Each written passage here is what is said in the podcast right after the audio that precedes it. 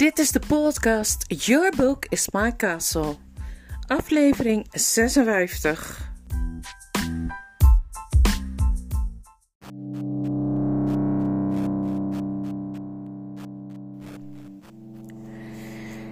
Nou, goeiedag allemaal. Dacht ik toch dat ik hoofdstuk 8 helemaal gelezen had.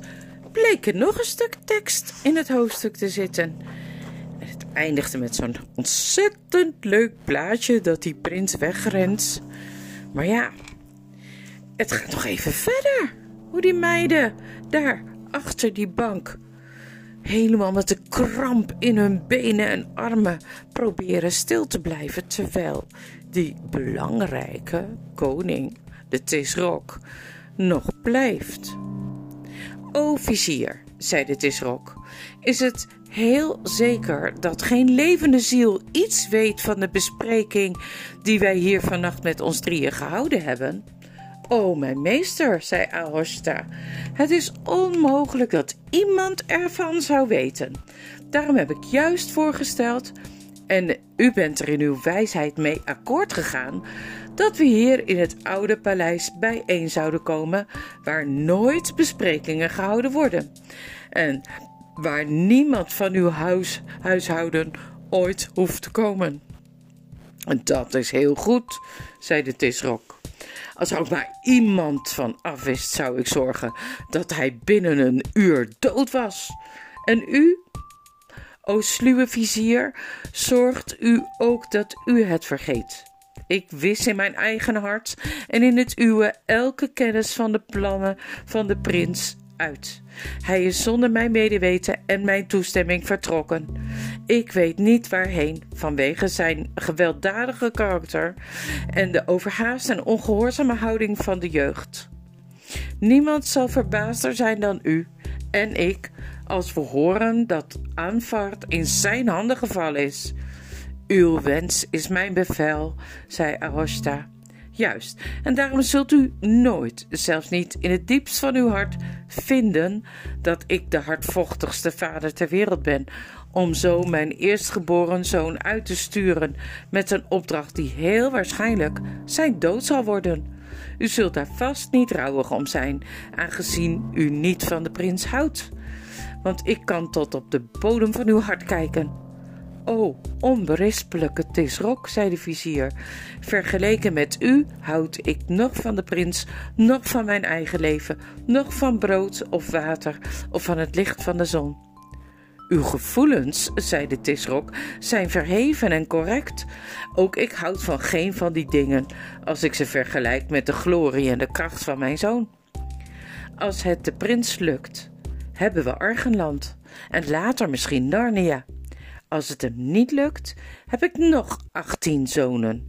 En zoals dat vaak gaat met oudste zonen van koningen, Rabedas begon gevaarlijk te worden. Meer dan vijf Tisroks hier in Tasbaan zijn voor hun tijd gestorven omdat hun oudste zoon, verstandige prinsen, het beu waren nog langer te moeten wachten op hun troon. Hij kan beter zijn bloed wat laten afkoelen in het buitenland dan dat het hier aan de kook wordt gebracht omdat hij niks te doen heeft. En nu, o uitstekende vizier, begint mijn vaderlijke ongerustheid zo groot te worden dat ik mijn ogen bijna niet meer open kan houden. Geef de muzikant bevel naar mijn slaapvertrek te gaan. Maar voordat u zich ook te rusten legt, moet u de vrijspraak voor de derde kok, die wij hadden uitgeschreven, weer intrekken. Ik voel duidelijke voortekenen van indigestie in mijn binnenste. Uw wens is mijn bevel, zei de grootvizier. Hij kroop op handen en voeten achteruit naar de deur, stond op, boog en ging de kamer uit. Zelfs toen bleef de tisrok nog zwijgend op de divan zitten, totdat Arvis bijna bang begon te worden, worden dat hij in slaap gevallen was. Maar tenslotte hees hij, toch met veel gekraak en gezucht, zijn enorme lichaam overeind, beduidde de slaven dat ze hem voor moesten gaan met het licht en ging het vertrek uit. De deur sloot zich achter hem. Opnieuw was het aardedonker in de kamer. Maar de meisjes konden allebei weer vrij ademhalen en hun benen strekken.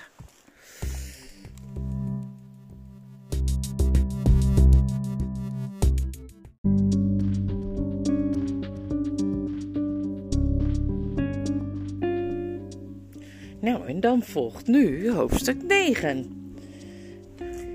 Door de woestijn heet het hoofdstuk. Wat vreselijk, wat afschuwelijk, jammerde Lazareline. Oh schat, ik ben zo bang. Ik beef helemaal. Moet je eens voelen. Kom op, zei Aravis, die zelf stond te trillen op haar benen. Ze zijn teruggegaan naar het nieuwe paleis.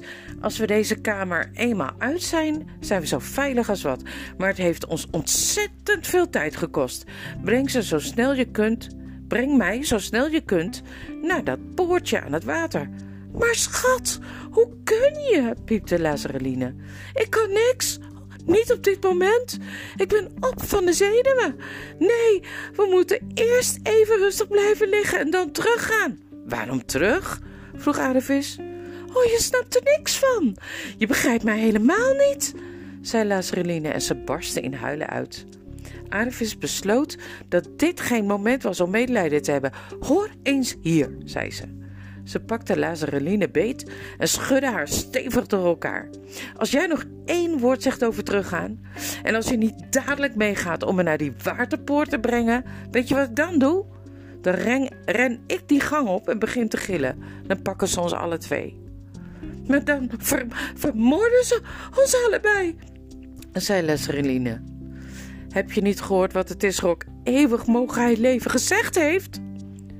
Jawel, en ik laat me liever vermoorden dan met Ahoshta te trouwen. Vooruit, kom op. Hè, wat doe je toch onaardig, zei Lazareline. En ik ben nog wel zo, ik ben er nog wel zo naar aan toe. Maar op het laatst moest Aravis haar zin wel geven. Ze ging voorop, de trapjes af die ze al eerder afgelopen waren. Weer een gang door en zo tenslotte naar buiten in de open lucht. Nu waren ze in de paleistuin, die in terrassen afliep naar de stadsmuur. De maan scheen helder. Een van de nadelen van avonturen beleven is dat je juist als je op de mooiste plekken bent, vaak geen tijd hebt en te bang bent om ervan te genieten. Zodat Aravis, hoewel ze zich alles later nog wel kon herinneren, alleen een vage indruk had van grijze gazons, rustig borrelende fonteinen en de lange zwarte schaduwen van cipressen. Toen ze helemaal beneden waren en de muur dreigend voor hen oprees, beefde Lazareline zo dat ze de poort niet van de grendel kon krijgen. Arevis maakte hem open. Eindelijk. Daar was de rivier. Hij weerspiegelde het maanlicht en een kleine aanlegstijger met een paar bootjes. Vaarwel, zei Arevis. Dankjewel hoor. Het spijt me als ik alleen maar aan mezelf heb gedacht, maar denk er eens bij na waarvoor ik wegvlucht. Oh, Arevis, schat, zei Lazareline. Wil je echt niet van gedachten veranderen? Nu je gezien hebt wat een belangrijk man Aoshta wel niet is. Belangrijk man, zei Aravis. Hij is een walgelijke, kruiperige slaaf die beleefd blijft als hij wordt geschopt. Maar die het allemaal opkropt en hoopt wraak te kunnen nemen door die afschuwelijke tisrok op te stoken om zijn zoon de dood in te sturen. Bah! Ik zou nog liever met mijn vaders keukenhulp trouwen dan met zo iemand. Oh, Arevis, Arevis, hoe kun je nou zulke vreselijke dingen zeggen? En nog wel over de Tisrok, eeuwig mogen hij leven. Als hij het doet, dan moet het toch wel goed zijn? Vaarwel, zei Arevis. Ik vond je jurken prachtig en je huis ook hoor. En ik weet zeker dat je een heerlijk leven zult hebben al zou het niks zijn voor mij. Doe je de poort zacht dicht achter mij? Ze rukte zich los uit de innige omhelzing van haar vriendin, stapte in een gondel, gooide het touw los en even later was ze midden op het water met boven zich een enorme, echte maan. En diep, diep onder zich in de rivier een enorm weerspiegelde maan. De lucht was koel en helder en toen ze bijna aan de overkant was, hoorde ze de roep van een uil. Dit is beter, dacht Aravis. Ze had altijd op het platteland gewoond en had het in Tasbaan afschuwelijk gevonden. Toen ze aan land stapte, stond ze in het donker. doordat de omhooglopende rivieroever en de bomen de maan aan het zicht onttrokken. Maar ze wist dezelfde weg te vinden die Shosta ontdekt had en kwam net als hij bij de plek waar het gras ophield en het zand begon. Ze keek net als hij naar links en zag de grote zwarte graftomben. Hoe dapper ze ook was. De moed zonk haar nu in de schoenen. Stel je nou eens voor dat de anderen er niet waren. Stel je nou eens voor dat die geesten er wel waren. Maar ze stak haar kin vooruit en ook het puntje van haar tong en riep er, liep er rechtop af. Maar voordat ze er was, zag ze Brie en Winnen en de stalknecht al. Je kunt nu wel teruggaan naar je meesteres, zei Aravis, die helemaal vergat dat hij dat niet kon, totdat de volgende morgen de stadspoorten opengingen. Hier is geld voor de moeite. Uw wens is mijn bevel, zei de stalknecht, en hij vertrok dadelijk, met een opvallende haast in de richting van de stad. Ze hoefde hem niet te vertellen dat hij op moest schieten, ook al had hij al veel aan geesten moeten denken. Daarna stond Aravis, Winne en Brie uitgebreid op hun neuzen te kussen en hun hals te kloppen, net alsof ze doodgewone paarden waren. En daar komt Shasta. De leeuw zij dank, zei Brie. Aravis keek om en ja hoor, daar was Shasta, die zodra hij de stalknecht zag weggaan, uit zijn schuilplaats was gekomen. En nu, zei Aravis, hebben we geen moment meer te verliezen. Gehaast vertelde ze hun over de plannen van Rabadash. Wat een achterbakse mormels, zei Brie. Hij schudde zijn manen en stampte met zijn hoef. Een aanval in vredestijd, zonder eerst een oorlogverklaring te sturen. Maar wij zullen hem daar warm verwelkomen. We zijn er eerder dan hij. Redden we dat?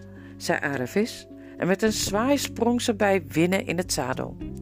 Shasta wilde dat hij ook zo kon opstijgen. Broehoe, snoof Brie. Hup, Shasta, op mijn rug.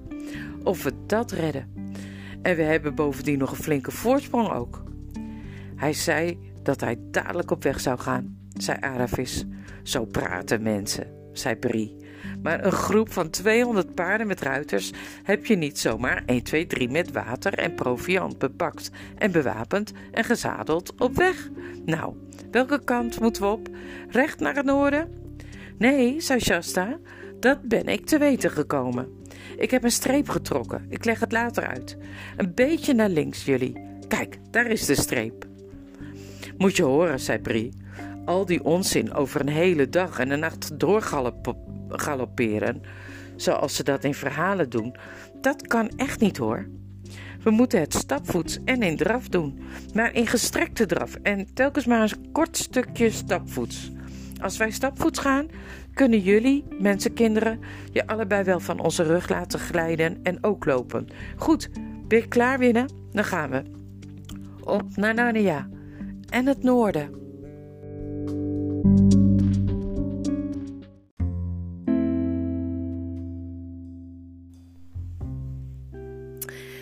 Eerst was het heerlijk. Het was intussen al zoveel uren nacht dat het zand bijna geen warmte meer uitstraalde van alle zonnehitte die het overdag had vastgehouden. En de lucht was koel, fris, helder. In het schijnsel van de maand lichtte het zand zo ver ze konden kijken naar alle kanten op, alsof het een stil water was of een groot zilveren dienblad. Behalve van de hoeven van Brie en Winnen was er geen geluid te horen. Shasta zou er bijna bij in slaap gevallen zijn als hij niet af en toe had moeten afstijgen om te lopen. En zo leek het urenlang door te gaan. Toen scheen er een tijd lang geen maan meer. Het leek alsof ze uren en uren lang in het aarde donker reden. Daarna viel het Shasta op, een gegeven moment op, dat hij voor zich de hals en het hoofd van Brie een beetje duidelijker kon zien dan eerst. En langzaam, heel langzaam, begon om hem heen aan alle kanten de uitgestrekte grijze vlakte zichtbaar te worden.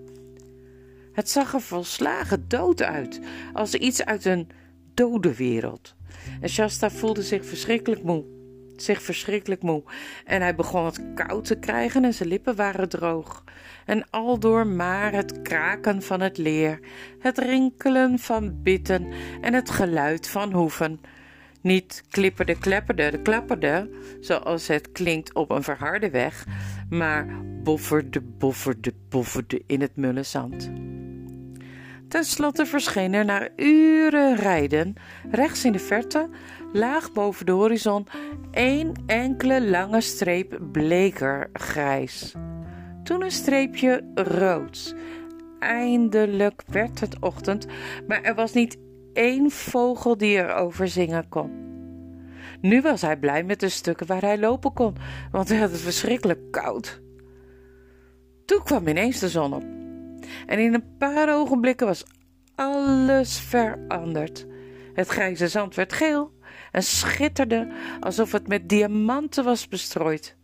Aan hun linkerkant renden de schaduwen van Shasta, Winne, Brie en Aravis, ellenlange schaduwen naast hen mee. De dubbele tip bergtop van de berg Pier glinsterde ver voor hen uit in het zonlicht en Shasta zag dat ze een klein beetje uit de koers waren. Beetje meer naar links, beetje meer naar links, riep hij. Het beste was nog dat Tashbaan, als je terugkeek, al heel klein was en heel ver weg. Van de graftomben was niets meer te zien. Die waren opgeslokt door de ene hakkelige bult die de stad van de Tisrok was. Ze werden allemaal weer vrolijker, maar dat duurde niet lang. Tasbaan leek wel heel ver weg toen ze voor het eerst omkeken, maar hoe ver ze ook doorreden, het weigerde verder weg te kijken. Shasta hield er maar mee op achterom te kijken, want het gaf hem alleen maar het gevoel dat ze totaal niet vooruit kwamen. Toen begon hij last te krijgen van het licht. De felle weerschijn van het zand deed pijn aan zijn ogen, maar hij wist dat hij ze niet dicht mocht doen. Hij moest ze dichtknijpen en naar de bergpier in de verte blijven kijken en aanwijzingen blijven roepen. Toen kwam de hitte. Het viel voor hem voor het eerst op toen hij moest afstappen om te lopen. Toen hij zich naar beneden liet glijden, sloeg de hitte van het zand hem in zijn gezicht alsof er een deur van een open oven openging. De keer daarop was het nog erger en de derde keer schreeuwde hij het uit van de pijn, zodra zijn blote voeten het zand raakten. En razendsnel zette hij zijn ene voet terug in de stijgbeugel en had hij de andere alweer half over Brie's rug. Sorry, Brie, bracht hij eruit. Ik, ik kan niet lopen, ik verbrand mijn voeten. Natuurlijk, hijgde Brie, had ik aan moeten denken. In het zadel blijven maar, niks aan te doen. Voor jou is het niet zo'n probleem, zei Shasta tegen Aravis, die naast Winnen liep. Jij hebt schoenen aan. Aravis zei niets en keek hooghartig voor zich uit. Laten we hopen dat ze het niet zo meende, maar zo keek ze wel. Verder maar weer. Indraf. Stapvoets. Indraf. Rinkel, rinkel, rinkel. Knars, knars, knars de geur van je hete paard, de geur van je hete zelf, verblindend zonlicht, hoofdpijn. En kilometer na kilometer hetzelfde. Tasbaan wilde maar niet verder weg lijken. De bergen wilden maar niet dichterbij komen.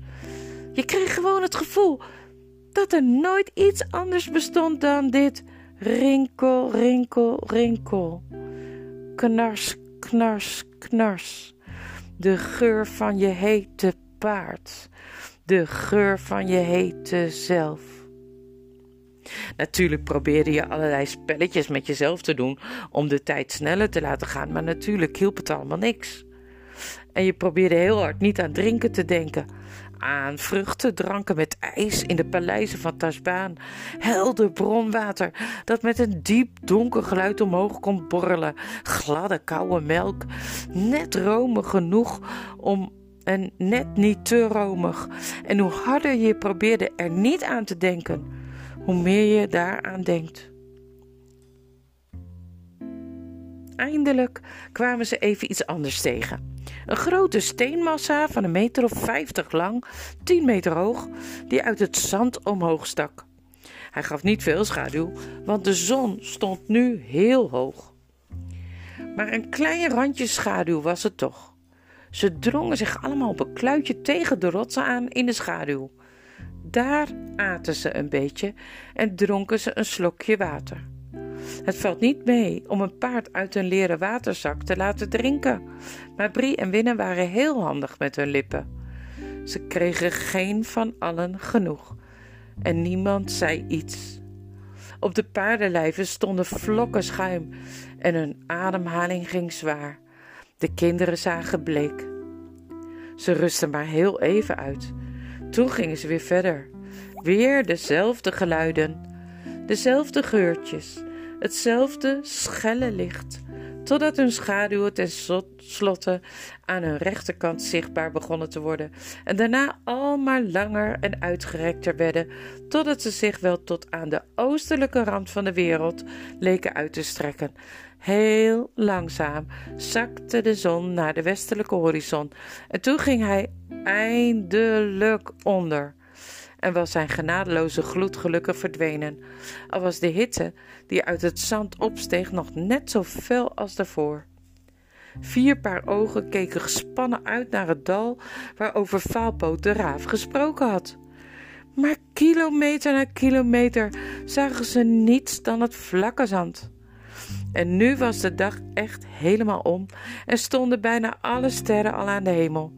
Maar nog steeds dreunden de paardenhoeven verder en wipten de kinderen op en neer in het zadel, doodongelukkig van dorst en uitputting. Pas toen de maan opgekomen was, riep Shasta met die vreemde blaffende stem van iemand die een kurkdroge keel heeft: Daar, daar is het!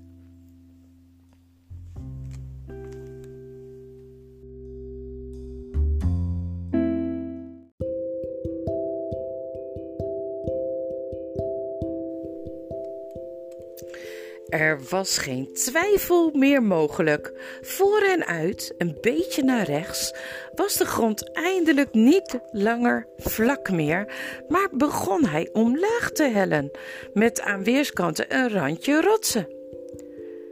De paarden waren veel te moe om iets te zeggen, maar ze draaiden bij in de richting van het dal en binnen een paar minuten draafden ze het ravijn binnen. Eerst was het daarbinnen nog erger dan op de open vlakte, want tussen de rotswanden was de lucht drukkend en benauwd en er kwam minder maanlicht. De helling liep vrij steil naar beneden en de rotsen werden steeds hoger tot het hoge rotswanden waren die aan weerskanten omhoog rezen. Toen begonnen ze ook planten tegen te komen. Stekelige cactusachtige planten en ruig gras, het soort waaraan je je kunt snijden. Al gauw liepen de paardenhoeven op kiezel en stenen in plaats van op zand. Ze keken gespannen om iedere bocht van het dal. En er zaten heel wat bochten in of ze al water zagen.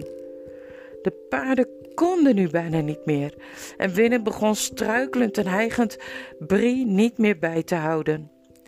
Ze waren bijna wanhopig toen de grond eindelijk een beetje modderig begon te worden en ze een smal straaltje water zagen zijpelen door zachter, malser gras.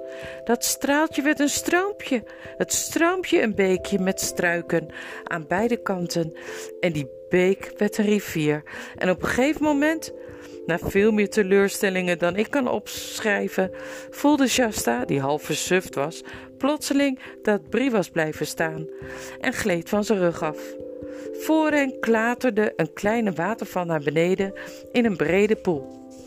En de beide paarden stonden al in het meertje met hun hoofden naar beneden gulzig te drinken. Oh, zei Shasta. En hij liet zich met een plons zakken.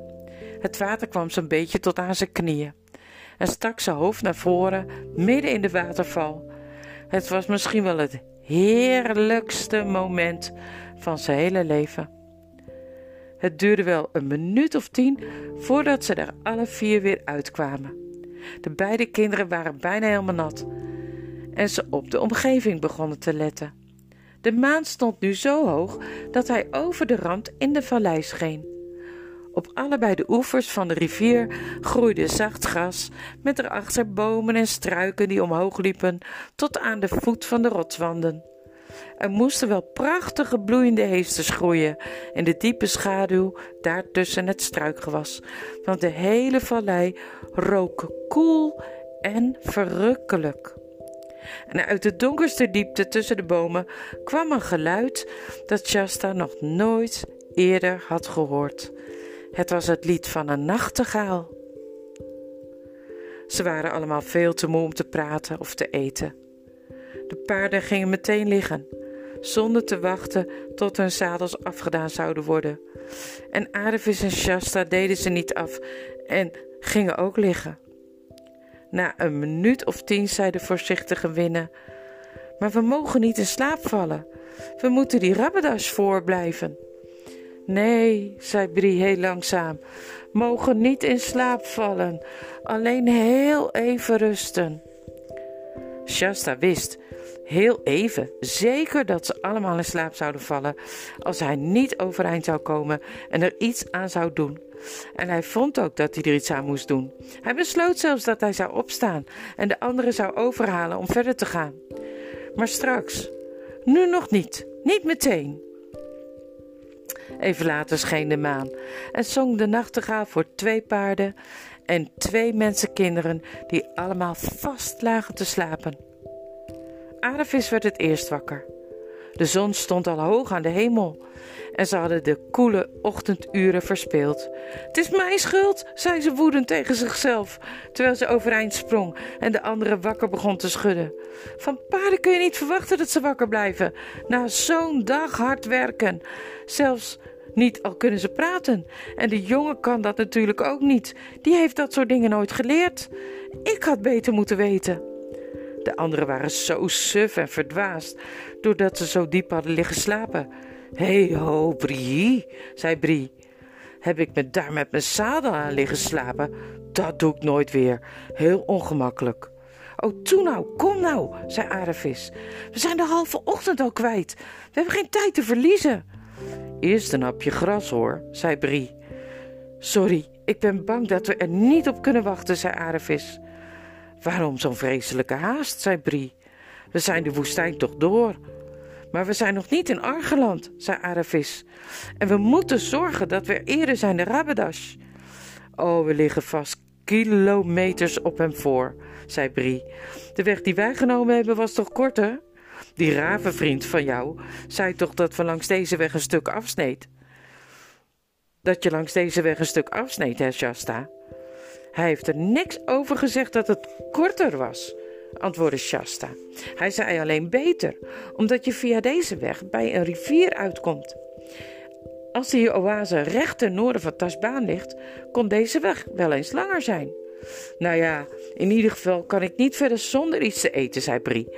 Doe me bit eens uit mijn mond, Shasta. Oh, alsjeblieft, zei Winne heel bescheiden. Net als Brie heb ik het gevoel dat ik echt niet verder kan. Maar paarden, waar mensen op rijden met sporen en zo, worden toch ook vaak gedwongen door te rijden als ze zich zo voelen. En dan blijken ze toch te kunnen. Ik, ik bedoel, zouden we niet eerder tot meer in staat moeten zijn nu we vrij zijn? Het is allemaal voor Narnia. Mevrouw, ik geloof, zei Brie vernietigend, dat ik wel iets meer weet van veldtochten en extra lange marsen en over wat een paard kan hebben dan u. Winnen gaf geen antwoord, want zoals de meeste volbloedmerries was ze een beetje zenuwachtig. En ook heel zachtaardig. Iemand die zich makkelijk van haar stuk liet brengen. In werkelijkheid had ze groot gelijk. En als er op dat moment op Brie's rug een Tarkaan had gezeten, die hem had gedwongen verder te gaan, zou hij gemerkt hebben dat hij nog best een paar uur flink door had kunnen lopen. Maar een van de ergste gevolgen van, volgen van het leven in slavernij en gedwongen worden dingen te doen, dat je, als er niemand meer is die je dwingt, merkt dat je ook jezelf haast niet meer kunt dwingen iets te doen. Dus ze moesten wachten tot Brie wat gegeten en gedronken had. En natuurlijk aten en dronken Winnen en de kinderen toen ook. Het moet al bijna elf uur ochtends zijn geweest voordat ze eindelijk weer op weg gingen. En zelfs toen deed Brie het veel kalmer aan dan gisteren. Eigenlijk was het winnen die, hoewel ze de zwakste en het vermoeidst van de twee was, het tempo erin hield. Het was zo heerlijk in dat dal. Met zijn koele bruine rivier. En dat gras en het mos, de wilde bloemen en de rhododendrons. Dat je er het liefst heel langzaam doorheen wilde rijden.